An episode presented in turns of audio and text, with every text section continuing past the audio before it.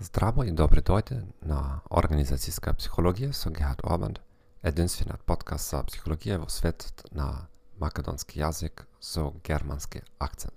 Денес ќе зборуваме за ефектот доктор Фокс. Да започнам со анекдота од времето кога работев како подпредседател за меѓународна соработка на приватен универзитет во Источна Европа. Организирав конференција со двајца меѓународни професори по психологија.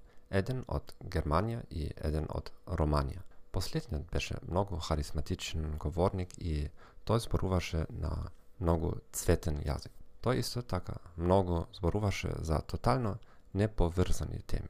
По преподавањата разговарав со студентите. Сите беа полни со пофалби за романскиот професор. Тие рекоа дека тој е идеален, потоа ги замолив да напишат некои информации поврзани со психологијата што ги научија за време на предавањето. Нито еден студент не можеше да запомни една единствена точка.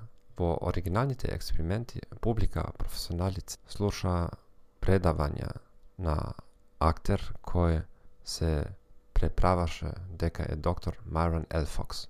Цитат.